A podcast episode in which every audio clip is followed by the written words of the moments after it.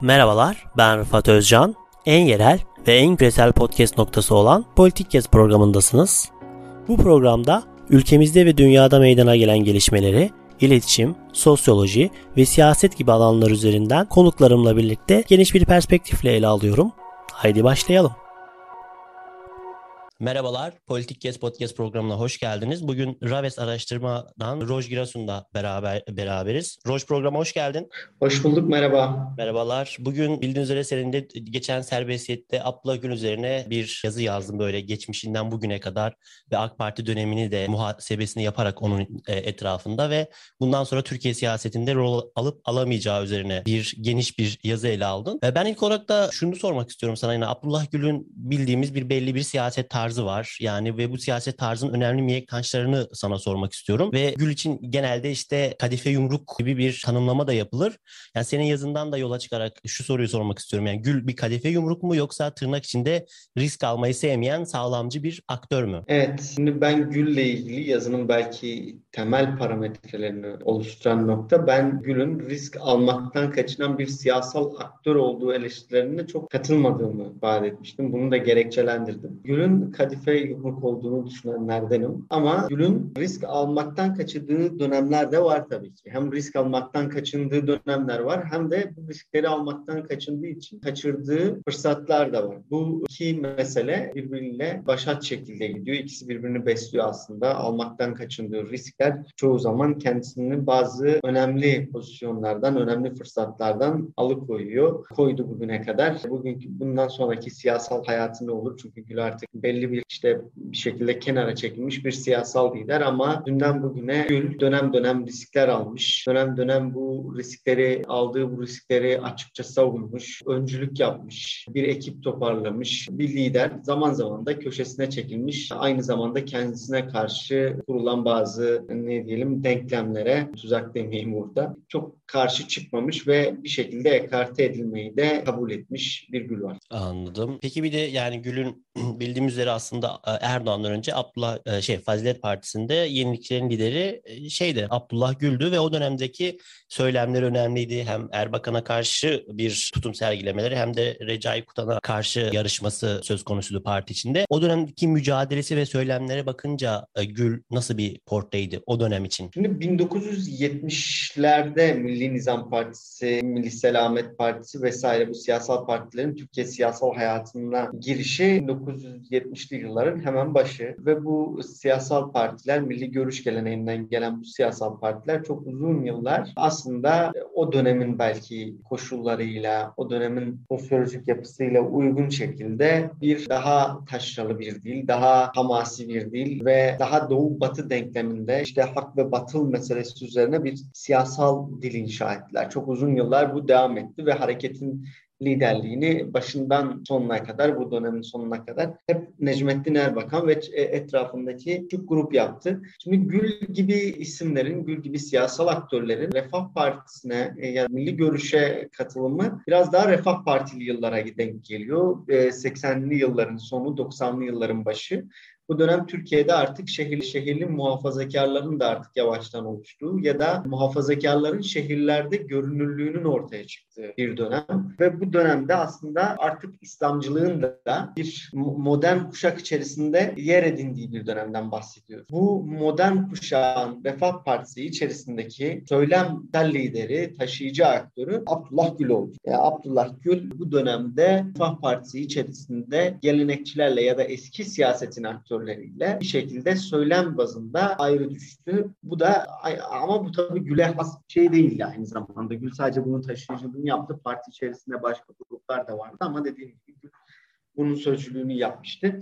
Şimdi bu adı konulmamış bir yenilikçi, gelenekçi ayrılığın aslında doğdu. Yani o, dönem ve sonrasında Fazilet Partisi de kurulunca Refah Partisi'nin kapatılması sonrası Gül'ün söylemleri de hem biraz daha görünür hale geldi. Önceki parlamento per, e, parlamento grubundaki performansı ve öne çıkışıyla hem de artık işte daha net bir şekilde bir ayrışma oldu ortaya çıktılar. Hatırlarsınız o dönem Necmettin Erbakan'da Tayyip Erdoğan'da siyasal yasaklıydı. Necmettin Erbakan Erbakan'ın desteklediği, Recai Tayyip Erdoğan'ın da içinde olduğu yenilikçilerin desteklediği bir Gül vardı o dönem. Ama burada tabii ki Gül Tutam'la Erbakan ilişkisinde olduğu gibi bir Tayyip Erdoğan'la ilişkisi bu düzlemde değildi. Daha eşdeğer bir vardı ve en nihayetinde AK Parti'yi başlatan bu yenilikçi süreç, Fazilet Partisi'nin yenilikçi sürecinde Recai Kutan gibi bir aktöre karşı çıktı. Daha önce 1975 seçimlerinde seçim çalışmasında yer aldığı bir Recai Kutan'a karşı çıktı. Erbakan'ın liderliğine, o Kürt liderliğine meydan okudu, risk aldı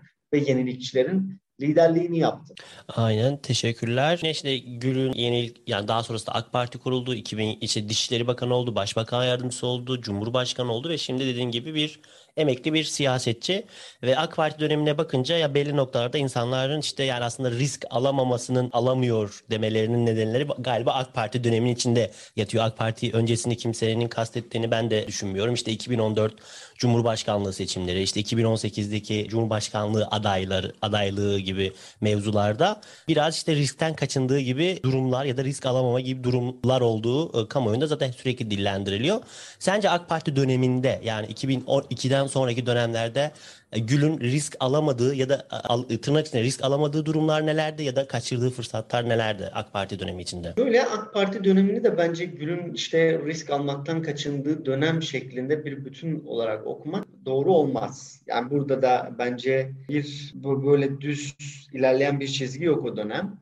E, tabii ki Gül'ün AK Parti döneminde risk almaktan kaçındığı dönemler var ama biraz yine kronolojik olarak gideceksek işte Fazilet Partisi'nin kapatılması sonrasında AK Parti kurulma fikrine dair Gül'ün çok açık beyanları var. Yani Fazilet Parti Fazilet Partisi'nin Saadet Partisi'ne dönüşümlü sürecinde AK Parti'nin başlı başına bir siyasal hareket olarak ortaya çıkması konusunda e, çok açık fikir beyan edenlerden birisi Abdullah Gül bir defa AK Parti kurma fikrinin kendisi Fazilet Partisi'nde bir e, başkan adayı olarak çıkma haricinde yine bir risk alma. Bunun haricinde yine işte hatırlarız 2007 360 2007 Cumhurbaşkanlığı seçimleri öncesindeki 367 tartışmaları vardı. Bu 367 tartışmalarında ordunun devlet içerisindeki e, önemli orandaki Kemalist bürokrasinin vesaire adaylığına karşı, Gül'ün adaylığına karşı biz basıncını hatırlıyoruz.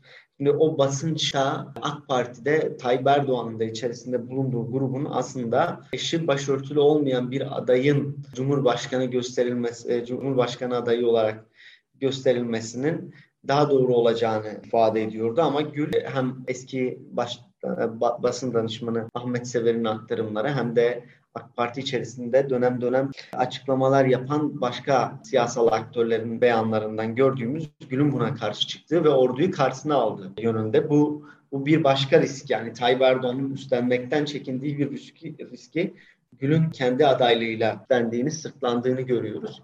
Yine ve yine Gül'ün 2013'te gezi olaylarında Tayyip Erdoğan'la o dönemin hükümetiyle çakışan açıklamaları var. Yani Gezi Parkı'nın eylemcileri açtığı yönünde herkesin bildiği bir bilgi var. Yani o dönem Gezi Parkı'nın eylemcilere açılmasının Abdullah Gül'ün tasarrufu olduğu, Tayyip Erdoğan'ı burada bir şekilde bypass ettiği falan biliniyor. Şimdi bu 2014 Cumhurbaşkanlığı dönemi sonrası ve 2018 ortak adaylık tartışmaları meselesine geldiğimiz zaman özellikle 2014'te Cumhurbaşkanlığından ayrılması sonrasında Ahmet Davutoğlu'nun AK Parti Genel Başkanı olarak seçildiği bir dönemden bahsediyoruz. Bu dönemde Gül as esasen aday olduğunu çok öncesinden açıklayıp parti içerisinde kendisi haricinde bir kişinin genel başkan yapılmasını belki engelleyebilirdi. Burada ben Erdoğan'ın da işte AK Parti içerisindeki diğer kliklerinde, kurmaylarında Gül'ün adaylığı açıkça ilan etmesi sonrası Gül karşısında yeni bir aday gösterebilecekleri cesaretini göstereceklerini sanmıyordum. Gül bundan kaçındı. Bu almaktan kaçındığı bir riskti.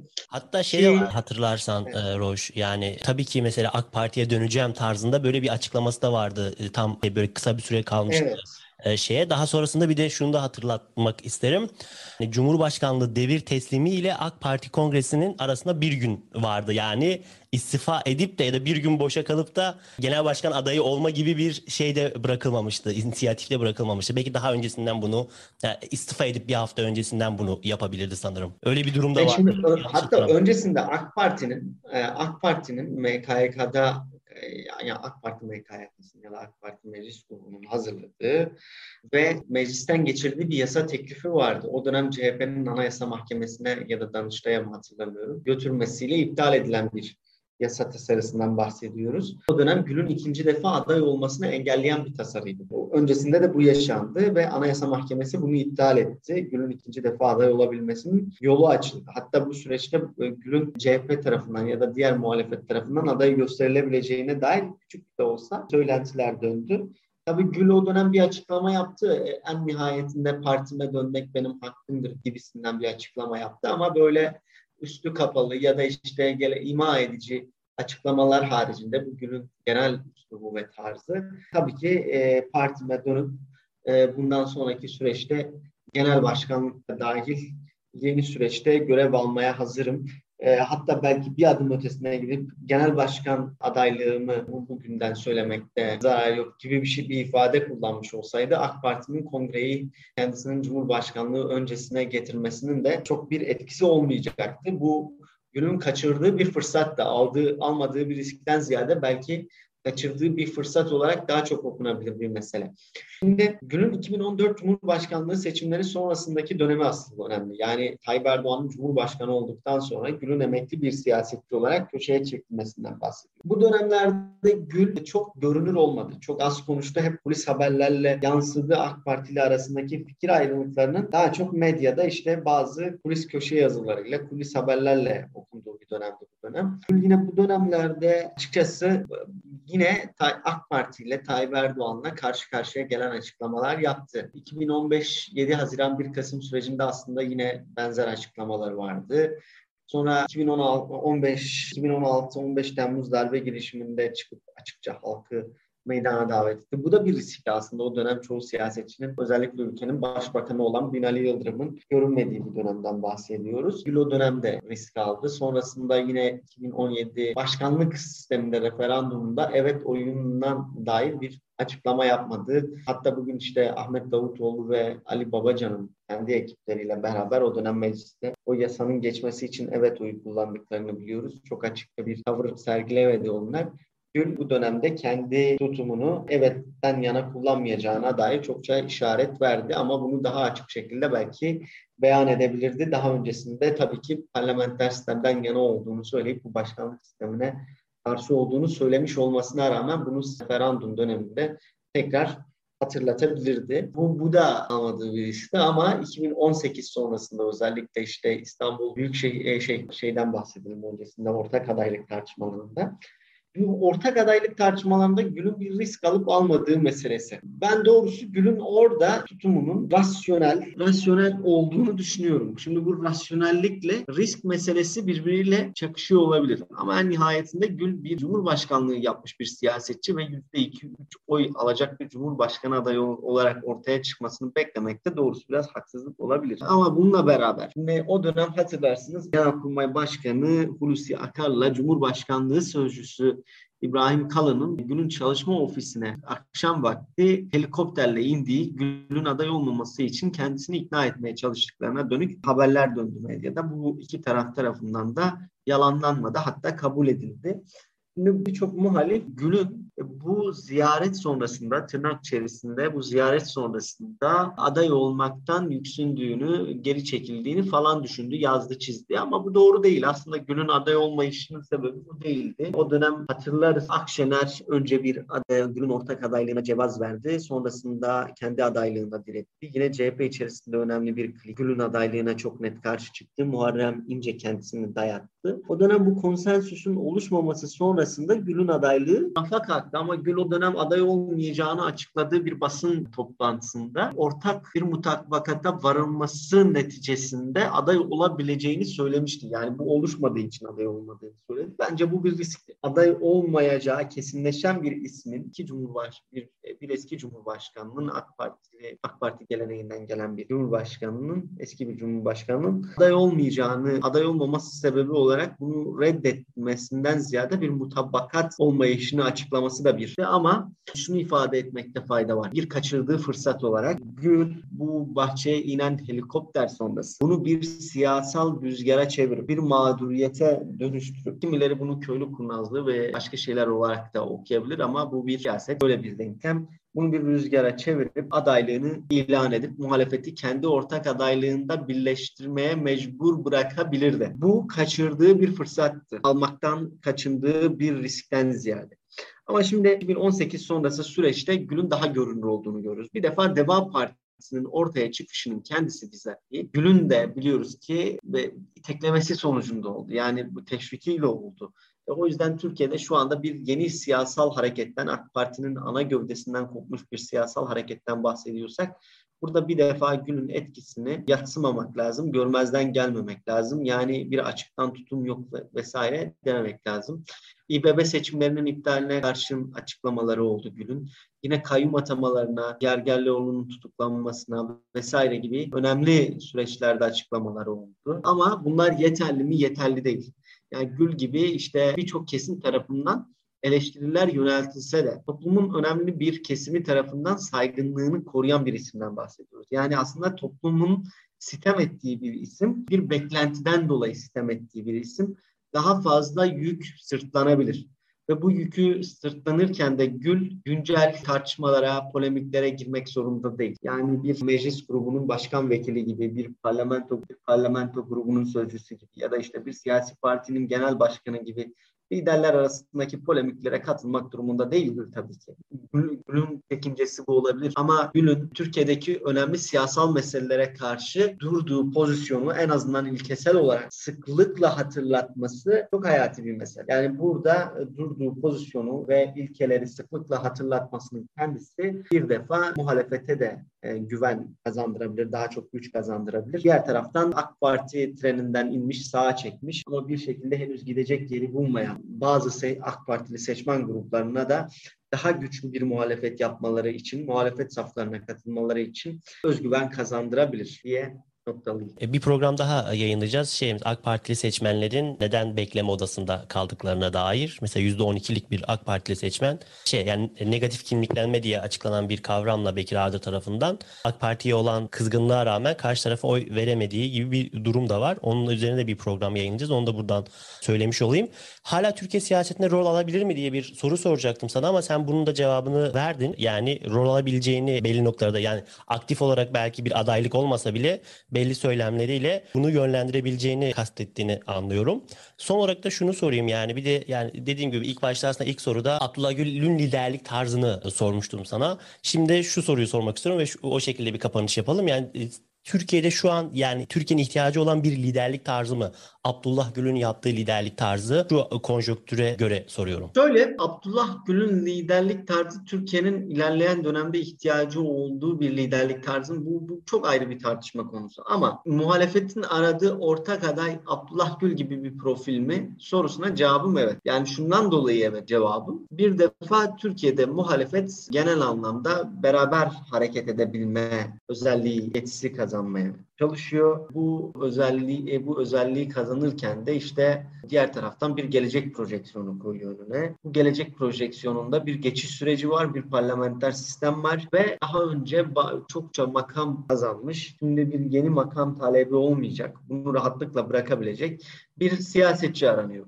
Şimdi buna ismi, muhalefet cenahından ismi geçen işte İmamoğlu, Yavaş vesaire gibi isimler var. Bir de işte Kemal Kılıçdaroğlu, Akşener gibi isimler. Şimdi bu isimlerin önemli bir kısmı çok genç isimler. Yani Türkiye'de bir geçiş sürecinden ziyade uzun erimli bir siyasal projeksiyonların önüne koyup yürütebilecek isimler. Diğer taraftan işte bir fenomen haline gelip İmamoğlu, gelen İmamoğlu ve Yavaş gibi isimler daha şanslı ve güçlü adaylar gibi görünseler de bugünden kazandıkları İstanbul Büyükşehir Belediyesi'ni ya da Ankara Büyükşehir Belediyelerini o adaylıkları durumunda Cumhur İttifakı'na hediye etmiş olacaklar. Çünkü meclis çoğunluğu bu siyasal partilerde. Diğer taraftan da az önce bahsettiğim gibi bu geçiş sürecine uygun aktörler olup olmadıkları meselesi hakikaten tartışmalı. Ve muhalefetin bir partili cumhurbaşkanı aramayışı meselesi şeyi doğuruyor. Yani Kemal Kılıçdaroğlu özellikle bunu belirtirken diğer taraftan bir partili belediye başkanları falan çok sağlıklı olmayabilir.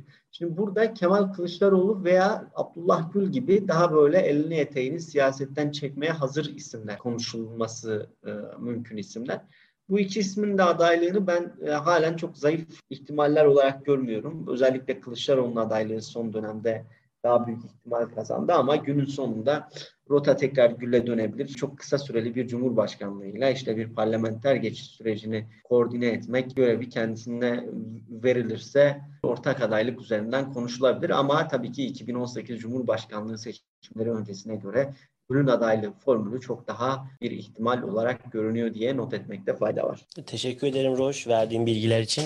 Yani uzun zamandır belki şey 2018'den beri ara ara Gül kendi hatırlatmış olsa da kamuoyunda çok da tartışılmayan bir isimdi bir nebze. Tekrardan bu konuyu da e, kamuoyunun önüne de bir şekilde sen kendi yazınla ve Politik Kesti de bu programla desteklemiş olduk. Programa katıldığın için çok çok teşekkür ediyorum. Ben teşekkür ederim. Çok sağ olun Rıfat. Çok sağ olasın. E, Politik Kes Podcast programını dinlediniz. Bir sonraki programda görüşmek üzere. En yerel ve en küresel podcast programı Politik Kesti dinlediniz. Bizi Spotify, Apple, Google Podcast üzerinden ve sosyal medya hesaplarımızdan takip etmeyi unutmayın.